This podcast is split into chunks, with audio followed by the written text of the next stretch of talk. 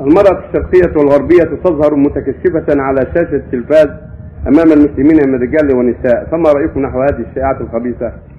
هذا من من البلاء أن تقدم من ايقاع التلفاز ظهور النساء الكاسيات العاليات ويكون من من الأغاني الشهيرة والتمثيلات الباطلة.